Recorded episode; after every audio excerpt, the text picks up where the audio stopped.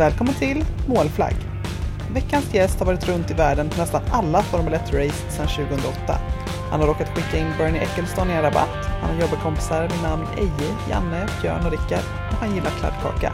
Detta och mycket mer fick jag reda på när vi kom och fika i Soliga Falkenberg. Häng med! Välkommen till Målflagg, Magnus Andersson. Tack snälla, vad roligt att vara här i ett soligt Falkenberg. Det är en underbar vårdag ju. Ja, Man blir så härligt. glad. Ja, man blir jätteglad tycker jag. Du jobbar ju som fotograf Mm. och det kanske är lite oväntat i en eh, motorsportspodd. Men Ja. inte vilken fotograf som helst. Nej, det blir ju lite unikt. Jag är den enda svenska fotografen som åker på Formel 1 och filmar Formel 1, så det är klart att det är lite... Och det har du gjort sedan 2008. 2008 var jag första gången jag var på ett race och det var ju en eh, minst sagt stor händelse för mig, som alltid älskat Formel 1 jätte, jättemycket. Och Vart var ni någonstans då? Första racet som jag åkte till var i Barcelona. Och då... Det började egentligen... Eh, att jag fick chansen var att jag jobbade på TV4 i Stockholm. På nyheterna och sporten där. Och då jobbade samtidigt Janne Blomqvist som kommenterar från mitten. Och det tyckte jag var jätteroligt att prata med honom. Superkul, för jag har ju jag har älskat motorsport och Formel 1 alltid. Och sen så var det ju jätteroligt att bara prata Formel 1 med... Det här var nog ett år, detta jag tror att vi började prata um, sommaren, våren 2007 första gången. Och eh, det var ju jätteroligt att prata Formel 1 och så jag sa ja men finns det någon möjlighet, någon chans att man skulle kunna åka med och filma lite Formel 1 hade varit fantastiskt roligt. Precis. Men då fanns det ju ingen som filmade, för då skickade man aldrig iväg någon reporter och fotograf, utan då var det ju bara liksom världsfiden som man kommenterade på. Och då var det väl TV4 tror jag som sände Formel 1 i Sverige. Men i den vevan, 2008, så startade man ju via Satt Motor, en, ny, en helt ny eh, motorkanal då. Och då skulle de ju storsatsa och sådär och skicka iväg folk på... Och, ehm, ja, då stod jag där precis, precis i rätt tid, vid rätt tillfälle. Så eh, då fick jag chansen att åka med till Barcelona 2008 på vårkanten. Sen har du fortsatt. Sen har det fortsatt. Men det var ju det var en sån magisk upplevelse första gången man... Jag var på, jag var på Formel 1 eh, innan en gång, kanske 2000... Ja, 2000, 2001 var första gången. Då var jag också i Barcelona som satt på läktaren och kollade. Magiskt. Helt underbart. Men när man fick chansen att åka liksom och komma innanför grindarna första gången och eh, se alla förarna och intervjua förarna, det var ju... Jag trodde inte att det var sant den, den, den upplevelsen liksom. När man, för jag var verkligen ett stort, jag var superstort fans liksom.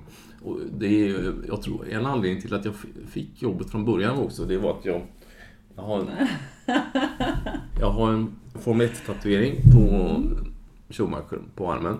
Och då kommer jag ihåg det att om man är, är man så mycket Formel 1-fan som jag är och jobbar och filmar så måste jag ju vara rätt person på att skicka iväg.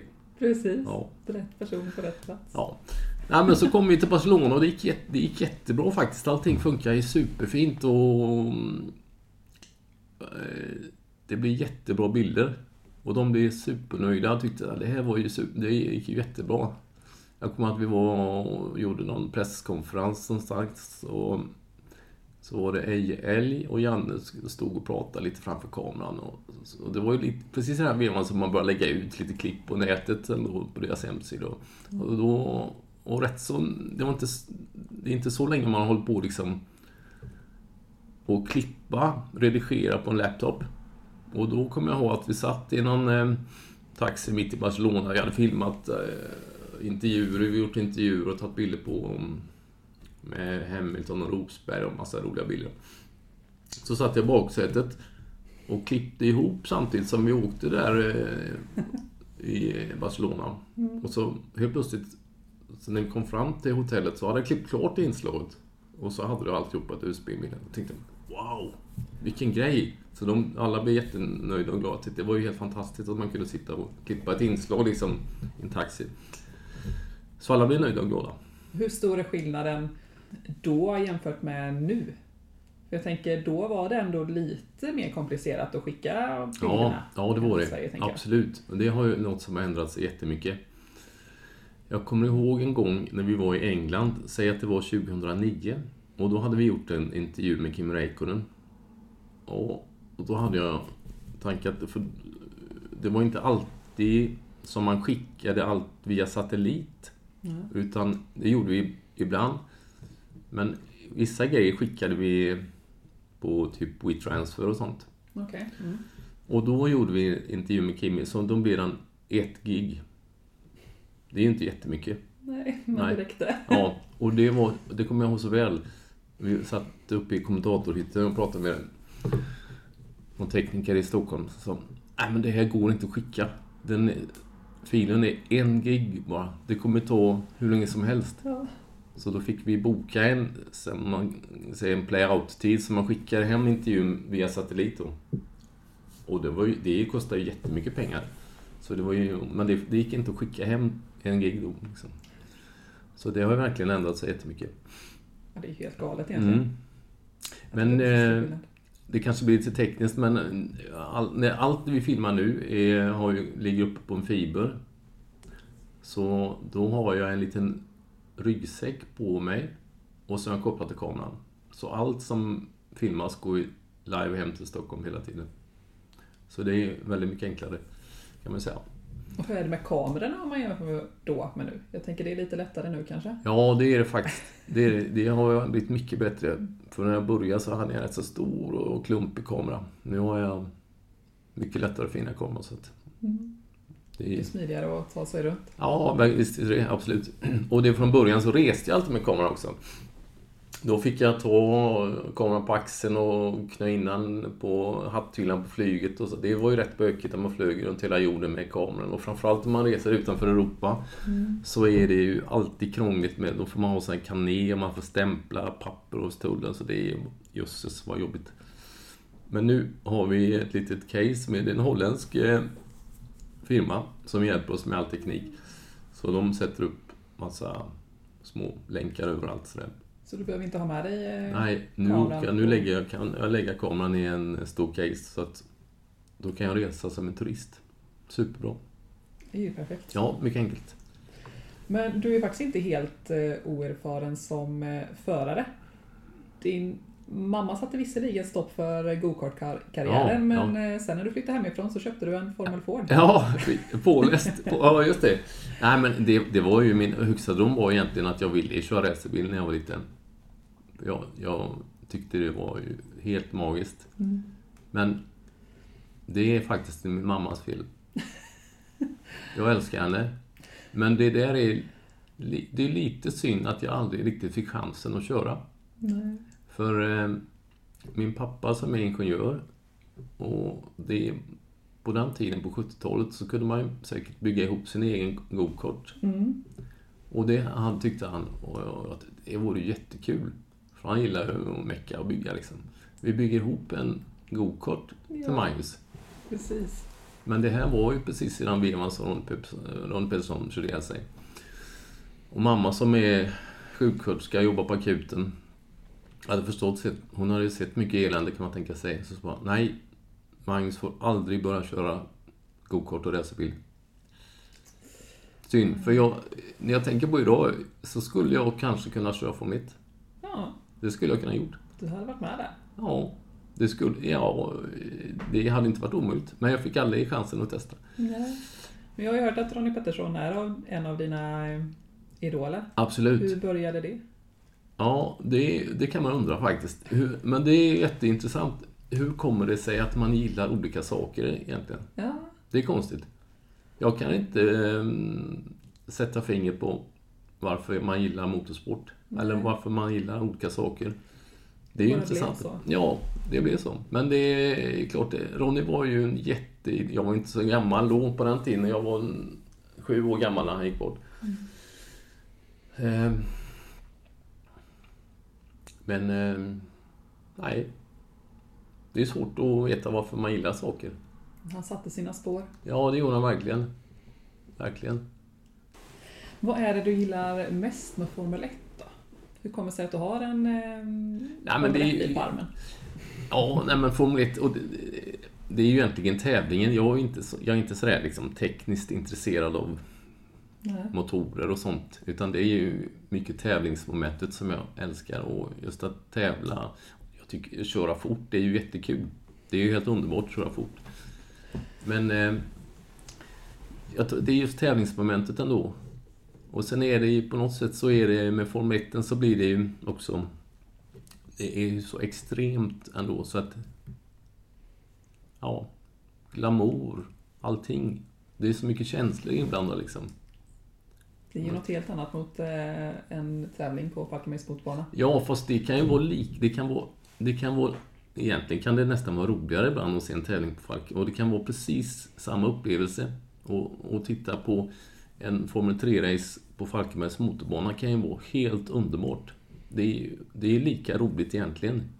Det är ingen tvekan om att det är just tävlingsmomentet är ju helt underbart oavsett faktiskt. Och jag kan ju egentligen kan jag tycka att det är lika, verkligen lika roligt att se Formel 3, Formel 4. Riktigt fina race. Det är ju helt underbart. Men hinner du med att kolla på några race här i Sverige? Ja, och inte inte så mycket kanske, men om det ges tillfälle så utan vidare att jag skulle åka till Falkenberg och titta på en tävling på, eller vad som helst. För att det är, det är så roligt att se motorsporten överlag. Absolut. Jag tänker många som håller på med motorsport, de, de har ju ett jobb och sen så har de motorsporten som hobby. Du Mm. har ju lite tvärtom. Du har ju motorsporten lite som ett jobb fast från ett annat håll. Ja, Vad har du som hobby? Jag älskar att snickra.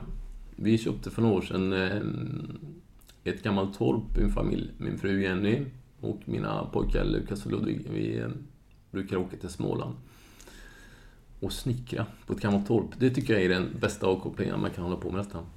Att man, och framförallt så är det knäpptyst.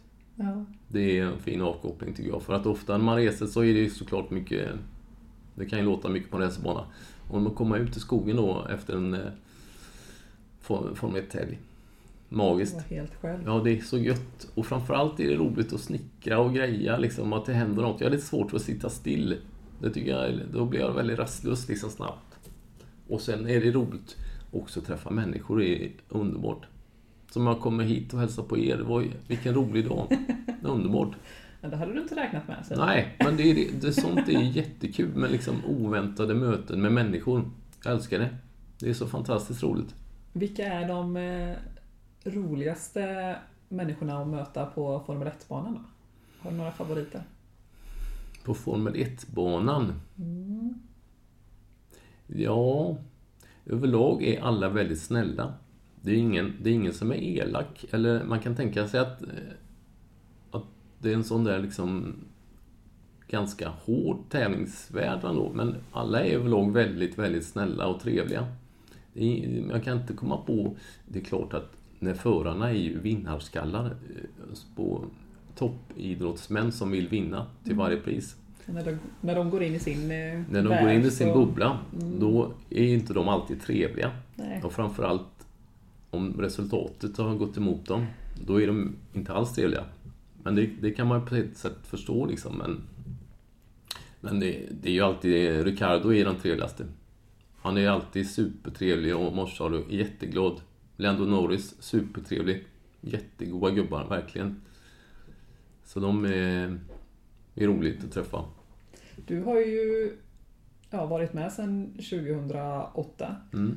Så du har ju nästan varit med under ja, nästan alla förares eh, karriärer som kör nu. Det är ju bara några få som har varit där längre än dig.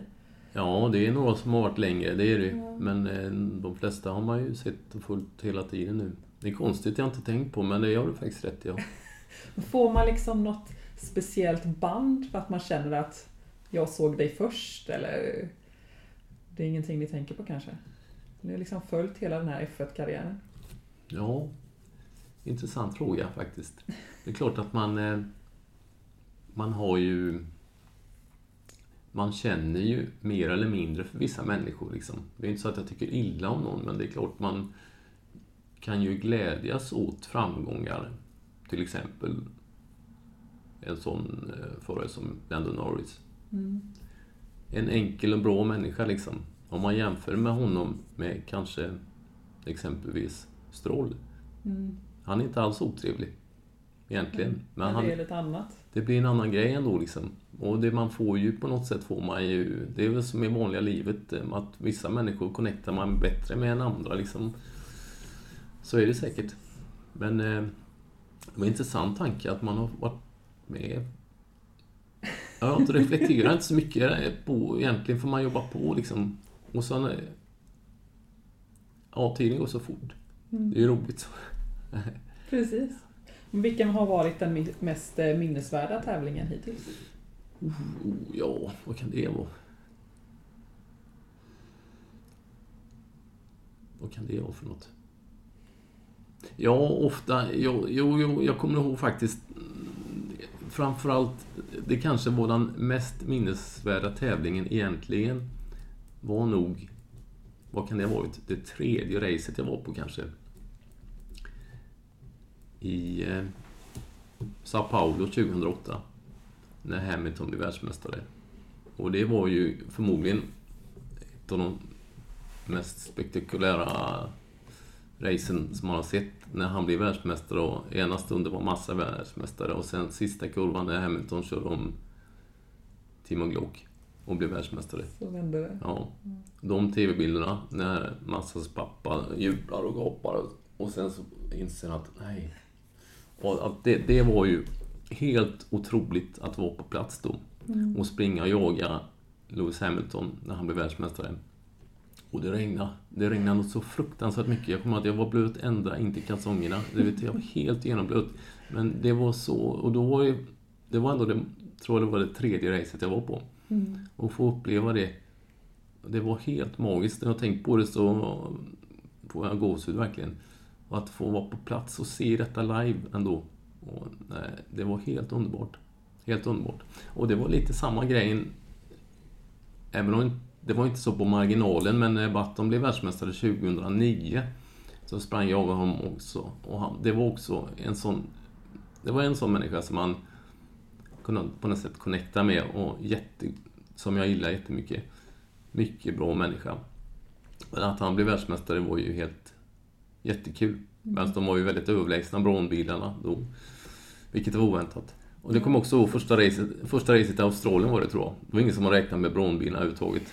Så blev de etta, tvåa tror jag i Australien. Ja. Det var spännande.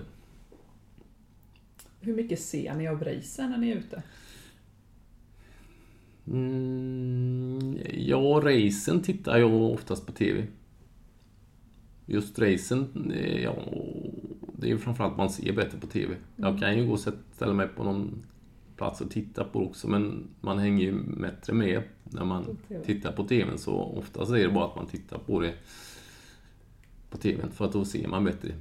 Och sen så blir det så att man när man har sett så mycket Formel 1 så är det klart inte lika spännande att titta när de svischar förbi så där heller. Så då vill man hänga med i tävlingsmomentet mera faktiskt än, eh, än att se dem på racet. Så. Fast det är fortfarande, det, det kan jag fortfarande tycka är jätte... En fin grej och, och, och roligt att eh, när de går i mål så är, det, så är jag en av de första som får se förarna och prata med dem. Eller jag pratar inte men jag filmar dem. Och det, det känns alltid lite på något sätt ja, historiskt om det har varit speciella race liksom. Att jag får vara på plats och se arga, ledsna, glada och glädjen och känslorna liksom. Det är rätt så coolt tycker jag. Du är den första som ser det och sen så går det vidare till oss som sitter där hemma. Ja, och det är rätt så, det är rätt fint faktiskt när jag tänker på det. Att det jag ser med mina ögon liksom, det kan jag förmedla till andra. Det tycker jag är en fin grej faktiskt. Det är rätt så coolt. Om ni åker iväg, eh, var ni iväg onsdag till söndag kanske? Ja, om man reser runt Europa så åker man eh, kanske på onsdag förmiddag och så flyger jag hem på måndag oftast. Det är svårt att hinna med någon... Ja. Ibland kan man hinna med något kvällsflyg om det är kanske i England eller ja, Tyskland eller något. Men annars så är det alltid onsdag, hem, måndag kan man säga. Om det. Ja, sen så åker man längre bort så kanske vi åker redan på måndagen eller tisdagen. Beroende på vilket håll. Om man åker till och med.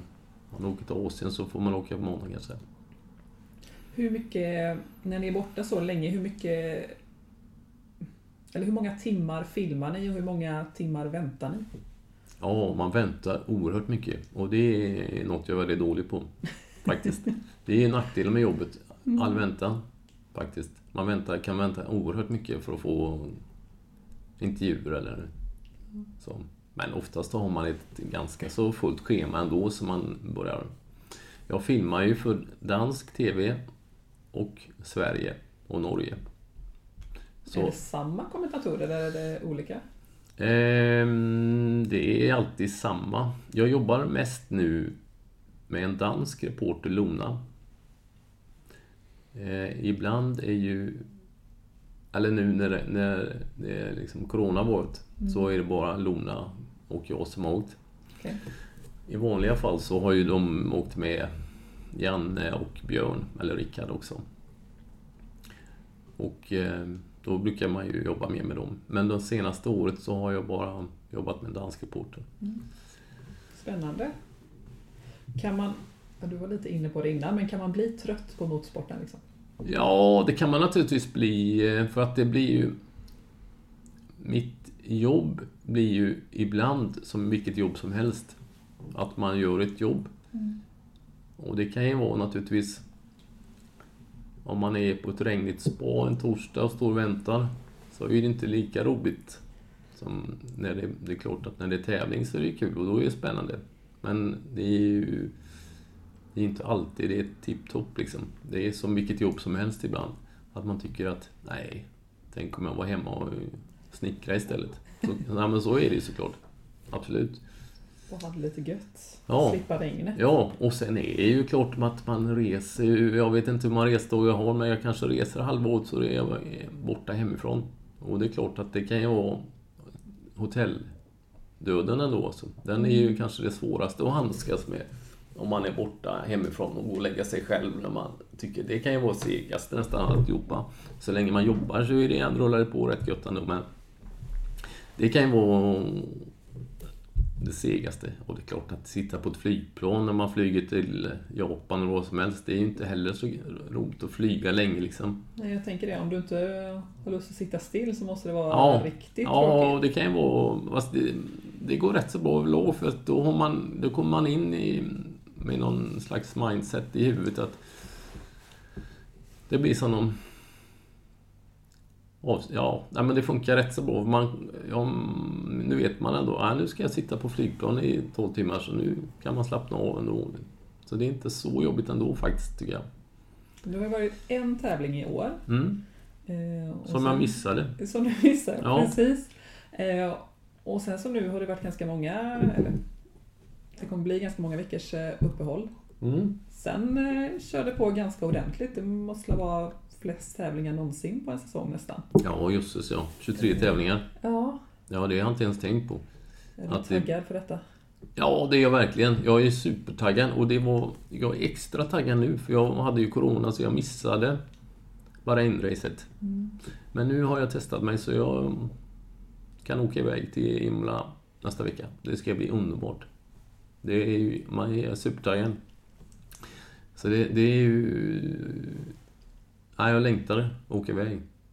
Sen vet ju jag att du fyller ju jämnt senare i år. Och då är det ju en tävling samtidigt. Ja, Kommer du vara på tävlingen eller kommer du vara hemma och fira? Jag kommer inte fira, för att det är ju intressant att du tog upp det. Jag gillar inte att fylla år alls faktiskt, speciellt inte i år.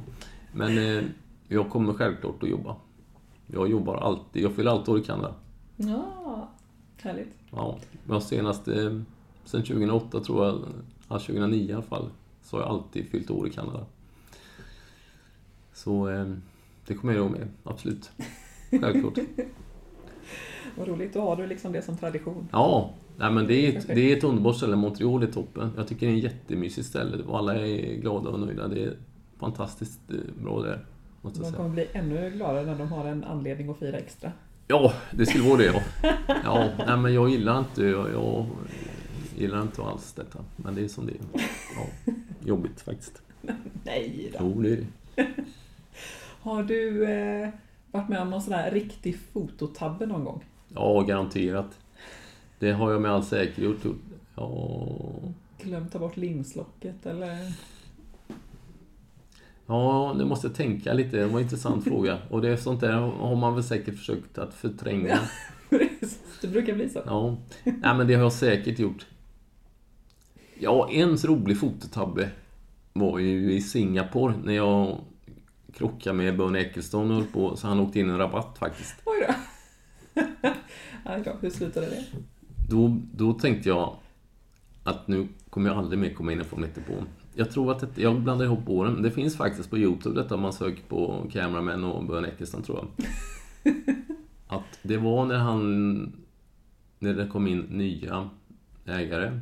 Bernie Ecclestone ägde ju liksom hela Formel 1 då. Mm. Så var det nya ägare, Liberty Media, som skulle komma och då kom den nya ägaren och Bernie gick bredvid varandra i depån i, i Singapore. Och eh, jag tänkte, jädrar, det här måste vi göra. Alla skulle, sprang fram och skulle ta bilder liksom. Och då var jag själv också. Och då så var det andra reportrar som sprang fram där och skulle försöka få en intervju med de nya ägarna liksom. Och jag hade mikrofon och kameran. Men jag hade ingen reporter som var där. Så jag sprang, jädrar nu bara, ja, det här måste vi försöka få någon, någon, eh, något litet säg ifrån. Så jag tog mikrofonen och kameran och så ska jag ställa upp eh, mikrofonen liksom och hålla den och så hålla kameran och så backa samtidigt. Och så Bernie är ju lite läge så han, han kom lite i kläm där och så råkade jag putta till honom så han flög in i en rabatt. Och han blev så, han blev så arg. Och hans eh, liksom alla människor runt omkring honom där, som bara, de blev så arga och började skälla ut mig jättemycket. Det var en, jag tänkte, då såg jag framför mig, så, ah, okej, det har varit roligt att jobba med Formel 1, men nu kommer jag aldrig mer komma tillbaks Nej. någonsin igen. Men det gjorde du. Ja, det gjorde jag. Jag blev förvånad för jag tänkte att det här eh, kommer inte bli bra. Men eh, det var i alla fall så här i efterhand en rolig grej. Men då, då var jag ganska När liten på har jorden. fått gått några år. Ja, då, då går det an. Men just då var jag väldigt liten på jorden faktiskt. Aj, aj, aj. aj. Det här var en riktig fototabbe kan man säga.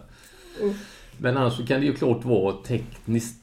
Och det, det är ju mycket teknik och mycket som ska funka. Så det kan ju vara liksom mycket teknik med så här, som strular. Precis. Och det är ju jobbigt att säga men...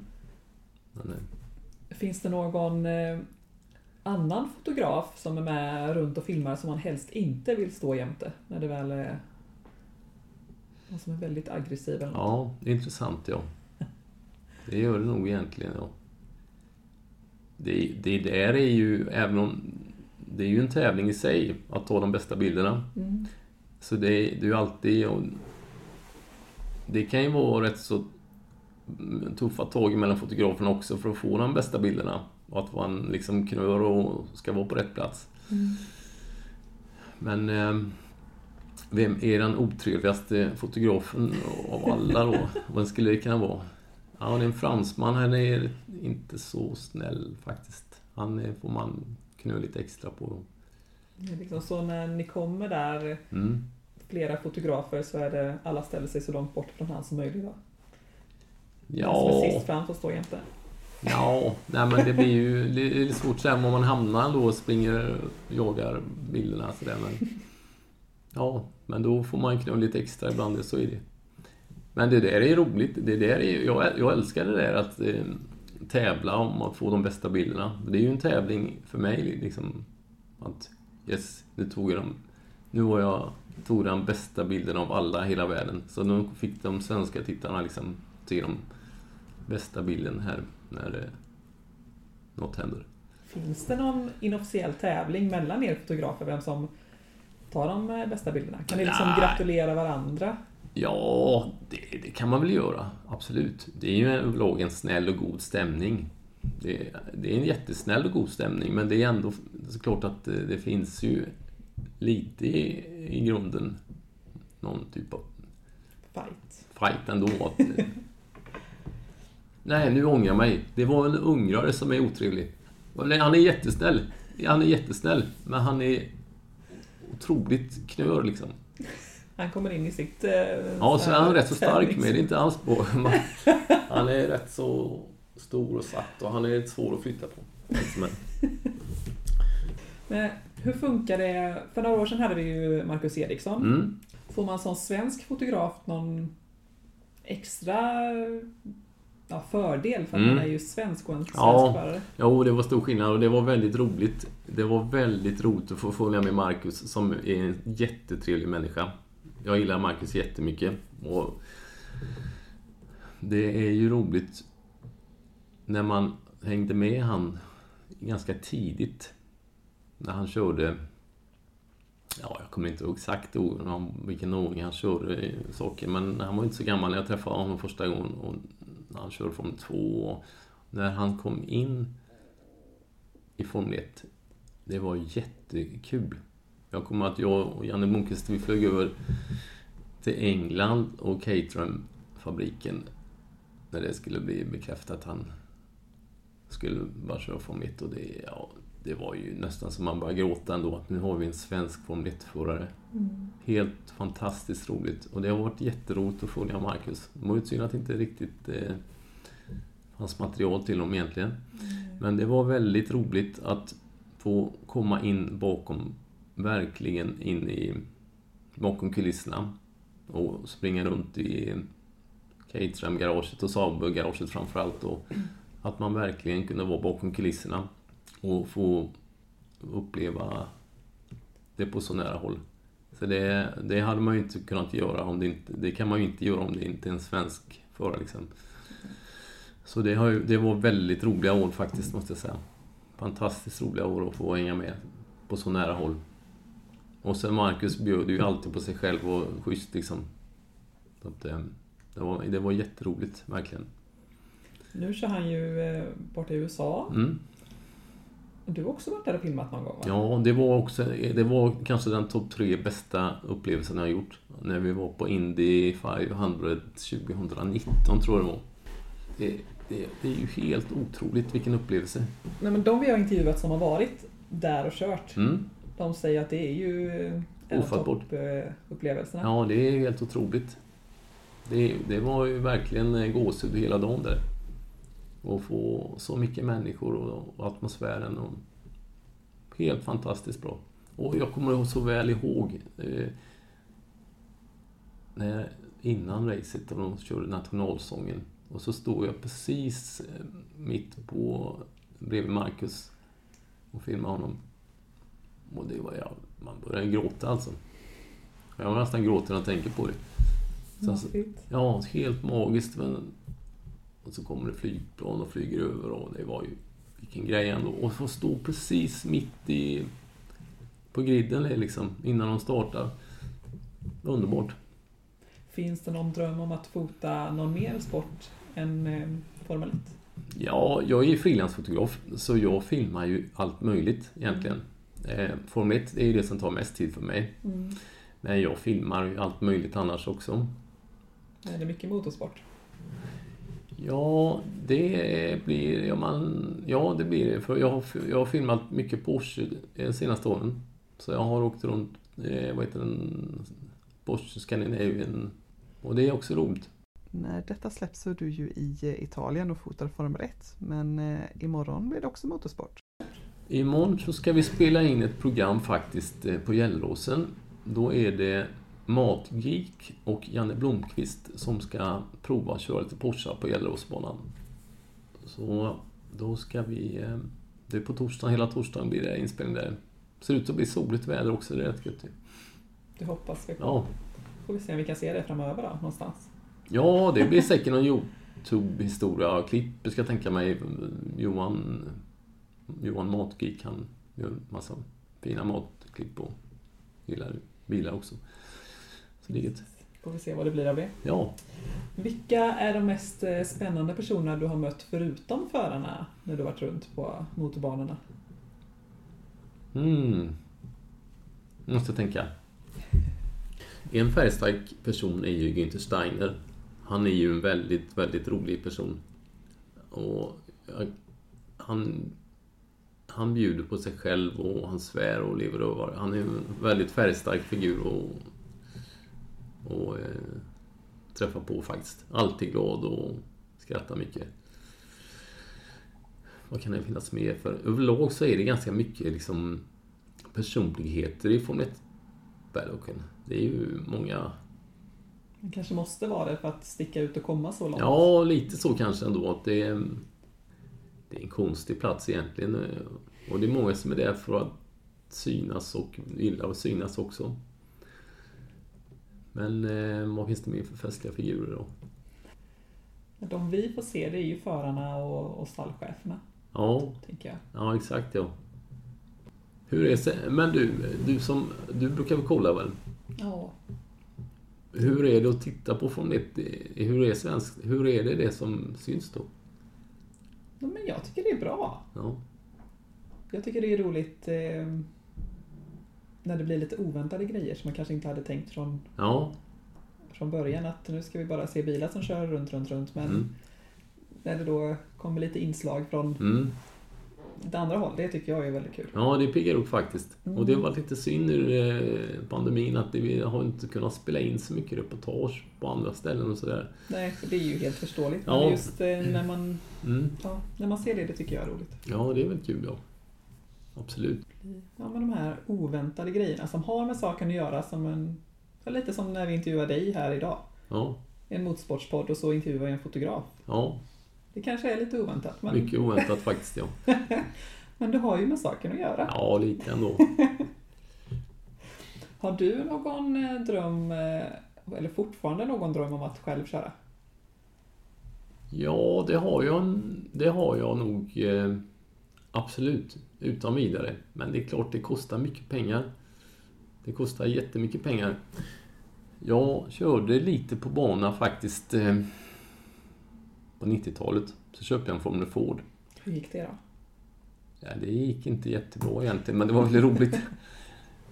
Nej, men då är jag ju tillbaks till det att nej, jag, då vill jag verkligen testa. Jag trodde väl inte att jag skulle bli Formel 1-förare då, men eh, det är ju väldigt roligt att köra på racerbanor.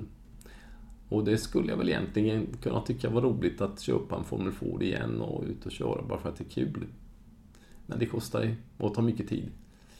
Så, Vi, eh, intervjuade ju Mia Fluid här eh, häromveckan. ja, Och hon började köra först när hon var 46. ja, säger du det ja. Så jag tänker att du, du har ju fortfarande... Möjlighet. Jajamän. Jo, det är klart. Absolut. Men det kostar mycket pengar. Det är väl det som är nackdelen då. Ja. Men underbart. Visst är det roligt så. Kör inte du då? Nej, jag gör ju inte det, men jag får väl eh, ansöka till den där eh, Formula Woman Challenge. Som Mia pratade om i sitt avsnitt. Okej. Mm, Så har man chansen att tävlingsköra i en McLaren. Ja, just det. Ja. Det hade väl varit bra. Ja, så det hade du ju kunnat göra om du hade varit tjej. Ja, det blir Det är ju där svårare det då. skiter sig. Ja, det, det är inget dåligt. Det är inget. Jag hoppas att det finns någon sån tävling för killar också. Ja, ja, precis, precis. Har du lärt känna någon förare lite mer så här? Eh, nej, inte, inte som jag ska säga att jag är vän med någon. Jag är, jag är vän med Marcus Eriksson, ska jag säga. Men inte någon annan förare, så där har jag inte, inte, jag har inte kommit så nära så att jag är hemma hos någon direkt, det skulle jag inte säga. Men Inte som här. nej. Men, eh, nej, men det är roligt med Marcus, för han har ju följt mycket som sagt, så det är ju en människa som jag känner bra faktiskt. Vad roligt. Ja. Vilka banor har du eh, åkt varvet runt på? Ja, just det. Jag kanske inte har... Jag har åkt en del... Ja, det beror på. Räknas det med cykel eller man går runt? Eller bara... Vad som helst. Okej. Jag har... För det har ju hänt ganska... Vi har ju ofta gjort inslag liksom om banorna. Mm. Och då har jag väl oftast cyklat eller gått banorna runt. Det var också en rolig grej i eh, 2008. Tredje racet jag var på. När vi var, Eje och Janne åkte hyrbil. Då skulle vi åka till banan. Och så skulle vi hitta till parkeringen. Så körde vi lite fel och det var ingen riktig ordning liksom. Så, hopp, så helt plötsligt så var vi ute på banan och körde. Vi körde helt tokigt. Och det tror jag också finns eh, på Youtube man vill kolla. Jag vet inte var man ska hitta det men... Jag Typ. såg det... Har du sett det? Ja, jag har sett det. Ja. Jag tyckte det var väldigt roligt. Ja, det var Hur roligt. kommer vi av härifrån? Ja, ja visst. Det var faktiskt roligt. Det, det, då så jag åkte runt eh, Sao Paulo då, kan man säga, en bil, en hyrbil. Ja, och det var också ett roligt reportage att spela in i Monaco faktiskt, där vi åkte moppe runt banan. Marcus körde runt Frida Nordstrand på moped och sen åkte jag moped med Alex älg bredvid eh, runt banan där och filmade. Det var så roligt att åka moppe. Eh, ja, kan det vara? Österrike kommer jag att jag cyklat runt rätt så. Den är ju rätt så uppförsbrant. Och en, det jobbigaste är förstås spårbanan. Jag och Janne Blomqvist, vi fick för oss att vi skulle bara träna lite och leva lite sundare några år sedan. Så, så började vi gå runt banorna. Och den, det, spårbanan är inte att leka med ändå, att gå faktiskt. Ja, där var det går upp och ner och så lång. Så det var en jobbig upplevelse. Men, men det är en underbar bana spår Fantastiskt. Det är många som har den som eh, favorit. Favorit, ja visst. Helt magiskt. Men eh, Monza har jag också åkt någon bil runt. Ja. Monza jag skulle säga att Monza är min favoritbana. Stäm, när man kommer till Monza, jag får nästan alltid gåshud när man kommer in en tidig morgon och lite lagom svalt och alla fans som står utanför och gapar och skriker. Bara atmosfären. Man åker under en tunnel där att komma in på banan. Och det är, det är så vackert, miljön. Och ofta är racerbanor, som när det är tyst runt en racerbana, det är helt magiskt bara det. Man ser liksom i parken, det är de fina träden som fladdrar. Underbart. Innan du har vaknat liksom. Ja, precis. Det är precis som att det är soluppgång när dagen är, ligger framför en och det liksom gryr upp. Det är underbart. Och förväntningar och liksom, det ligger darrar i luften. Vad ska hända idag? Mm. Det är helt otroligt underbart. Men vem är den eh, roligaste av kommentatorerna att jobba med då? Ja, de är alla jätte, det är jättegoda människor och vi reser ju överlag. Ibland har jag ju, träffar jag ju dem än mer än jag träffar min fru. Så jag har ju rest jätte, jag och Janne har rest hur mycket som helst. Och det är ju en underbar människa och en jättefin vän. Och Björn och Rickard, vilka supergoda människor. Jätte, jättefina människor. Och det, det är ju tur det när man reser och jobbar så mycket tätt in på varandra som man gör. Att det är liksom väldigt högt i tak och alla är... Det, det kan ju vara oerhört påfrestande när man jobbar så intimt och tätt varandra på och det, man är trött och det är tidsomställningar och man måste liksom leverera. Om inte det funkar så är det inte lätt faktiskt. Om man inte funkar tillsammans som arbetskompisar så eh, då är, det, då är det inte lätt. Så det är helt underbart att få umgås med sådana goda människor. Faktiskt som... Och det är bara du som är fotograf. ja. Vad händer om ni är iväg någonstans i Asien och du vaknar plötsligt med över 40 graders feber och kommer inte ur sängen? ja, då får man jobba ändå. Det har ju varit många gånger som man har varit jättekrasslig. Som man måste ändå men det är klart att det finns lösningar. Det finns alltid, ofta är det, eller det här, det är ett holländskt teknikbolag som ser till att tekniken funkar eh, med, på plats. Med all uppställning utav kommentering och alla länkar och alla ska komma. Så då har det hänt, det var så i Bahrain nu förra veckan, eller förra racet, att det var en holländsk eh, kille som fick ta kameran istället. Så det finns ju såklart alltid någon som kan eh, backup, men det, man har ju på det viset ändå har man alltid en press på sig att man måste alltid leverera det, oavsett liksom. Men, mm. Vad packar du alltid med i väskan? Något oväntat när du åker iväg? Är det något som alltid ska med? Nej, jag packar Jag är dålig på att packa faktiskt överlag. Packar alltid sista minuten. Är det något du brukar glömma? Ja, jag brukar glömma kallingar och strumpor och sånt, eller tandborste. Det får man ofta gå och köpa liksom. Oj, nu har jag ingen tandkräm eller inga strumpor. Det brukar gå att lösa. Ja, det löser sig alltid på plats. Det är inget, inget det löser sig på något sätt. Så att det, det är okej. Okay.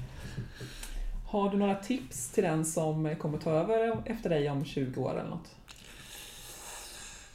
Ja, jag tror att man måste vara ganska um, tålamod. Vilket jag egentligen inte har, men det måste man ha med sig. Mycket tålamod är bra, för att det är mycket väntan. Och jag tror man ska försöka ha något slags glatt humör också.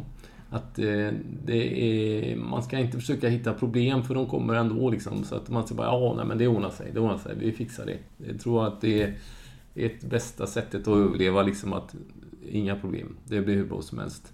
Och inte ta det för allvarligt, saker och ting heller liksom. Nej. Det löser sig. Tror jag. Precis.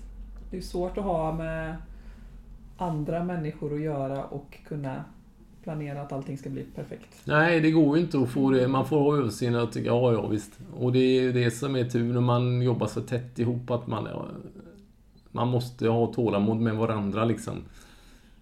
Det är som ett äktenskap. Tålamod. Tålamod är Ja. fiskarens bästa vän. Ja, eller hur? Är. Men vem vinner i år då? Nej, vem vinner i år? Ja, det ska... Vilket spännande race det var förra Alltså, veckan i Bahrain. Det var det underbaraste jag varit med om. Det är så jämnt. Ja, jättekul. Och framförallt också i mittfältet eh, fältet Ja, ja. där. Det är ju jämnt. Alltså det är ju jämnt. Det är underbart. Det kan bli en jättefin säsong det här tror jag. Ja, Faktiskt oförglömligt bra. det kommer nog inte bli många race där folk så, alltså så här, kollar på starten, somnar och sen vaknar till slutet. Nej, Utan jag tror folk kommer få kolla på ja, det, ja visst. Nej men det är, det är ju det man vill faktiskt. Det är underbart. Precis. Mm. Nej, det ska bli riktigt spännande. Ja, och sen börjar Indycar också, så det är väl också gött. Precis. Underbart. Nu blir kalendern full här. Det är underbart. Om vi har någon som vill komma i kontakt med dig, var hittar man dig någonstans? Ja, då kan man ju hitta någon som heter Magnus Andersson i Halmstad. Eller också kan man kolla på Instagram. Ingen TV utan Mange. Det bästa namnet. Ja, jag tycker det är roligt faktiskt. Ingen TV utan Mange på Instagram. Var kommer det namnet ifrån? Ja, det kommer sig faktiskt. Det var när vi satt, eh, vi satt i en shuttle-buss i Montreal.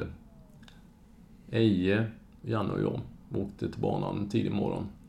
Och så, jag vet inte vem det var som kläckte den idén om att eh, att Mange, han, eh, det var någon bild som jag hade tagit, som, eller var något som jag hade gjort som var, hade funkat bra liksom. Och så, ja, det blir ju ingen TV utan Mange. Och sen tyckte jag, ja men det var ju roligt, det var ju ett bra ord. Så tar Janne så det, ja men det måste du starta upp en, måste starta upp en eh, Instagram som heter Ingen TV utan Mange. Precis. Så det var roligt. Så in och följ där så får ni se massa bilder från Ja, eh, kolla på Instagram. Underbart. Jätteroligt. Men tack så jättemycket för denna intervjun. Tack snälla, vad roligt det var att sitta och prata. Det var inte så farligt som du trodde. Nej, jag är ju alltid pirrig och nervös innan, men det var, det var snälla frågor. Jag brukar vara snäll. Ja, det var mest... Åldersfrågorna var ju lite tråkiga, men annars var det... Annars, jag sa inte vilken ålder. nej, det kan man... Jämt kan vara 22. Exakt. Jämnt. Nej, men tack snälla, det var roligt att prata. Underbart. Tack för att du har lyssnat. Vi hörs igen nästa vecka.